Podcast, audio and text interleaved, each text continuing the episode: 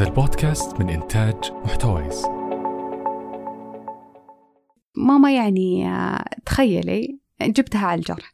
فقلت لها يما تخيلي لو إحنا أول يوم آه، الوالد الله يرحمه كان يحتاج متبرع. لو جانا أحد إحنا ما نعرفه إيش كان شعورنا وقتها؟ لم تكن تعرفه ولا يعرفها لكنها تعرف الشعور الذي يعتريه شعور اليأس الرغبة بحدوث المعجزة والرغبة بالعيش. كانت تتمنى حدوث المعجزة نفسها لأبيها لكن لله الأمر من قبل ومن بعد. لم تتحقق المعجزة لمنيرة فاختارت أن تكون المعجزة.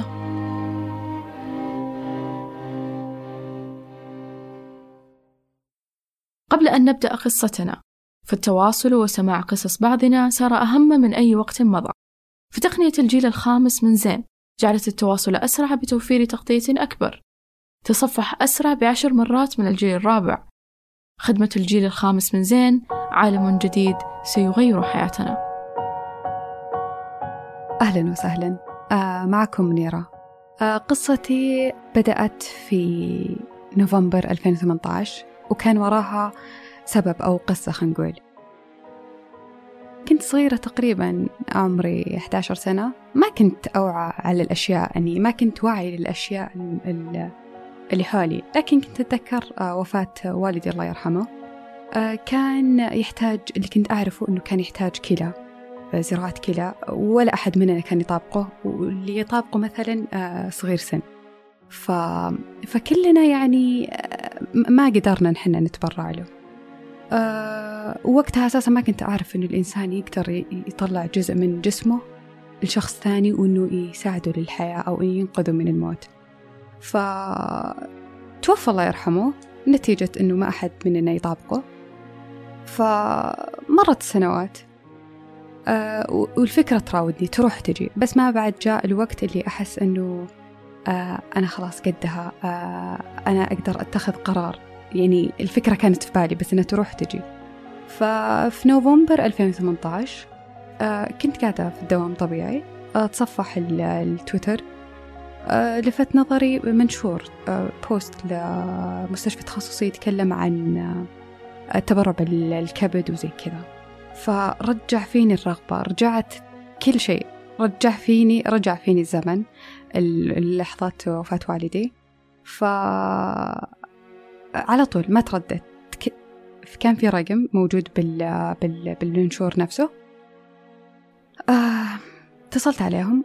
قلت لهم في حال رغبتي للتبرع لأي شخص مريض إيش الإجراءات اللازمة؟ فقال لي حياك الله تعالي لنا في يوم الثلاثاء تاريخ الفلاني وإحنا نتفاهم معك. فرحت لهم.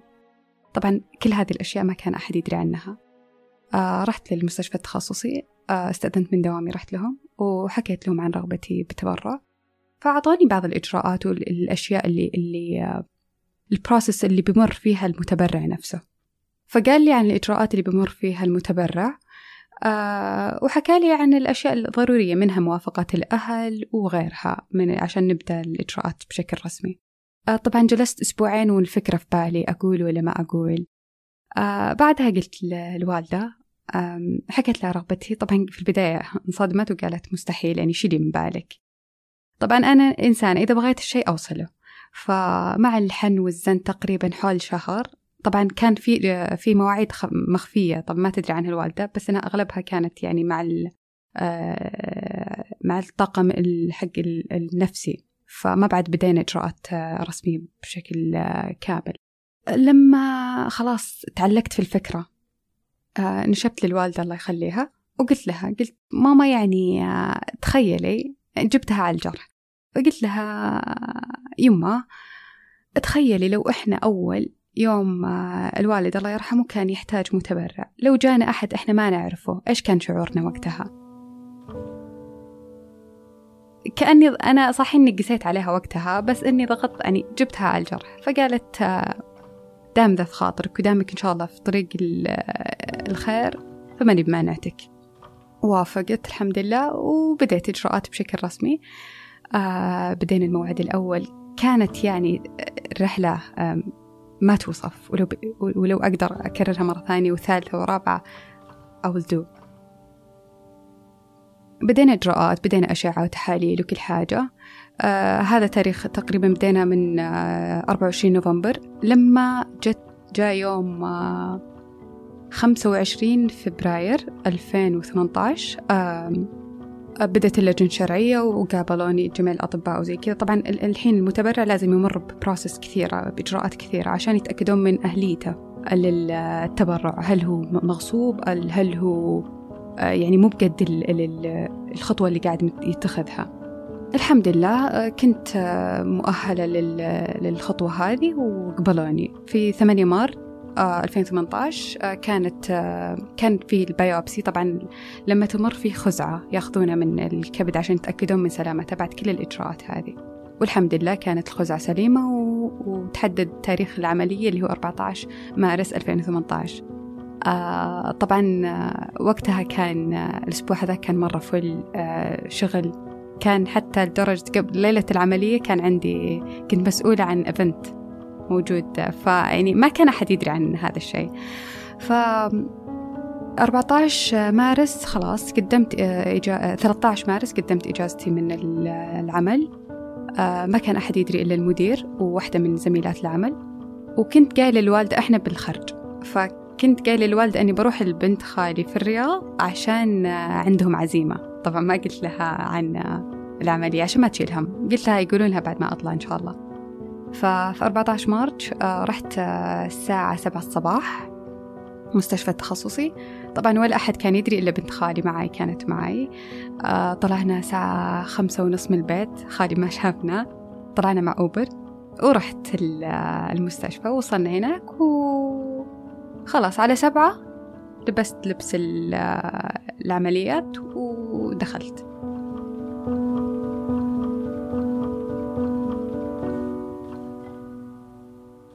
كان كانت سبعة ونص اللي آخر شيء أحس فيه. بعدها أتوقع الساعة إذا خاب ظني كنت أذكر إني فتحت عيني كنت أشوف قدامي الساعة كانت الساعة ستة المغرب. فما كنت في وعي مرة وأشوف آه، فجأة شوية أشوف الوالدة جاية. وتبوس راسي وتسمي علي وشوية راحة وخلاص. فاليوم الأول كنت لحالي. آه اليوم الثاني شوي بدأت صحصح. آه بعدها طبعا المتبرع يجلس في الملاحظة تقريبا ثلاث أيام وأربعة آه، بالعادي بالتنويم العادي.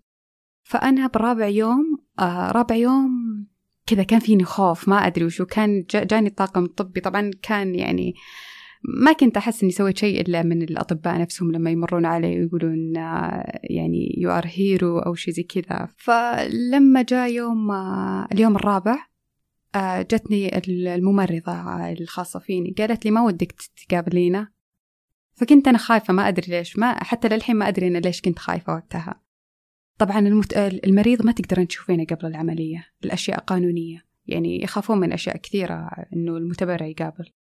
فقابلته بعد في اليوم الرابع دخلت عليه قابلت أبوه وسلمت عليهم شوي وطلعت. ف كان هذا أول لقاء لنا. آه بعدها خلاص آه ثلاثة أيام طلعت أنا من المستشفى. والحمد لله بخير وصحة وسلامة. وكذا يبي لك أسبوعين ثلاثة أسابيع عشان تتمارسين حياتك طبيعي. آه بعدها أنا ما كنت آه طبعا أبغى أحد يعرف عن هذه الخطوة. كنت مرة أبغى أتحفظ عليها. يعني الأشياء كثيرة مرة. أول شيء كنت أحس إنها شيء شيء يعني شيء خاص فيني أنا. ما أدري وش, وش هل هو يعتبر أنانية أو لا. بس إنه بعدها كان في الأطباء نفسهم الأخصائية النفسية حقت المتبرعين كانت تقول لي إنه منيرة الحين زادت مسؤوليتك. الحين أنت مسؤولة أنك توعين الناس. والصدق أنا لاحظت هذا الشيء. أنا بعد ما تبرعت وبعد ما طلعت المستشفى كثير ناس تتوقع أني شوية وبموت أو ما راح أمارس حياتي طبيعي زي قبل. بالعكس أنا عشت حياتي أحسن من قبل. سبحان الله يعني سبحان الله صدق يعني. أول شيء يعني في أشياء كثيرة تنفتح في وجهك. آه نفسيا أنت تتغير. آه علاقتك مع الأشياء مع العالم مع الحياة نظرتك لكل حاجة تتغير. زائد أنه تمارس حياتك طبيعي لكن بشرف أنه أنت تعرف أنه في إنسان قاعد عايش وفي قطعة منك و... وعايش بعد الله بسببك. فبعدها جلست أفكر يعني قلت الحين أنا عندي يعني وأنا من قبل كنت يعني أحب شوي المجال التطوعي وهذه الأشياء وكنت من زمان ودي إنه يصير في مبادرة أو أسوي حاجة تطوعية. فقلت الحين هذه فرصتي أنا يعني أسوي مبادرة زائد بشيء أنا مجربته يعني مو بشيء كذا من إنه من الباب والطاقة. لا أنا مجربته وقد قد المكان اللي بسويه أنا. فطبعا آه، كنت أمثل أنا هذا الشيء كنت أمثل القصة نفسها أو الشيء اللي مريت فيه والطفل مر فيه بأنه زي المعجزة.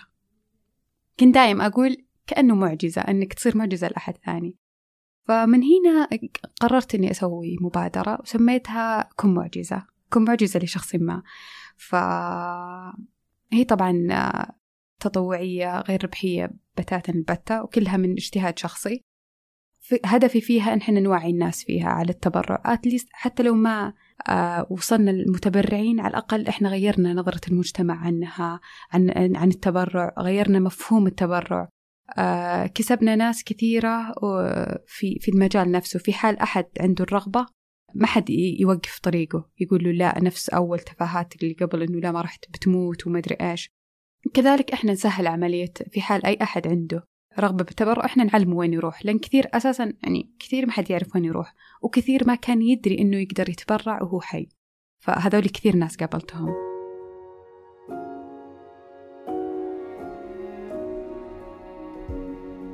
قابلت عبد الله عبد الله هو ولدي الروحي زي ما يقولون. يعني ما أدري يعني شعوري وشعور عبد الله ما أقدر أوصفه يعني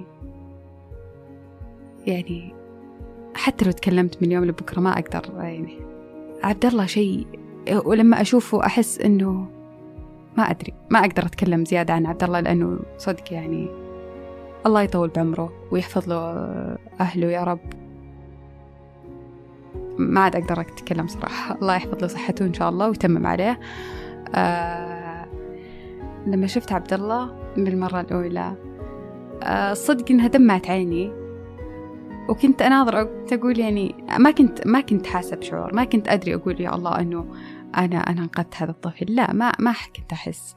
بس كان وقتها كانوا تجمعوا علي ال nurses لأنهم شافوني معاي ال IV وكنت علي روب بالمستشفى فقالوا أنت ال donor؟ فقلت yes فك فكلامهم كذا شوية جاني رهبة إنه سويت شيء كبير لدرجة إن الناس هذول تتجمع علي ولا إيش. فما أدري يعني وقتها كانت مشاعر مختلطة وكانت نظرة أبوه يعني وش يعني وكلامه يعني هو اللي شوية يعني خلاني أحس بشعور حلو بشعور أني أنا سويت شيء. فأنا دايما أقول أنه إحنا في الحياة هذه مو مخيرين إحنا نساعد إحنا مجبرين إحنا نساعد بعض. إحنا أحس إن إحنا خلقنا البعض. إذا أنا بإمكاني إني أساعد شخص آه وما راح يضر علي بشيء ليش ما ليش أتردد؟ ليش أبخل على هذا الشخص؟ في كثير ناس غير عبد الله في كثير عبد الله ينتظرون معجزاتهم ينتظرون ناس تنقذهم. وأجزم له الجميع إنها بتكون أجمل وأحسن وأعظم مرحلة وقصة ممكن تصير له.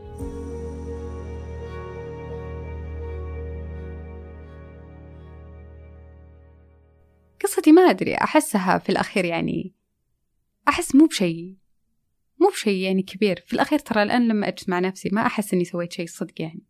ترى كلها كبت أخذتها وأعطيتها يعني طفل ولا ولا صار شيء فما أدري يعني هل ودي أدخل مخ الناس؟ هل صدق يشوفون هذا الشيء يعني كبير ولا لا؟ ليش ليش يشوفونه؟ ليش ما حد يقدر يتبرع يعني؟ الموضوع سهل. ف ما أدري يعني. الحياة بحر واسع من الاحتمالات وهناك مكان شاسع للدهشة وكل منا قصة تستحق أن تروى. فرفرفة جناحي فراشة في مكان ما يؤدي إلى سلسلة من التغيرات الكبيرة في مكان آخر. وبفضل تبرع منيرة الذي لم تظنه شيئا جليا. عاش عبد الله. فانظر في داخلك وفيما حولك بحثا عن القصة التالية. فالقصة لا تموت القصة تحيا إلى الأبد.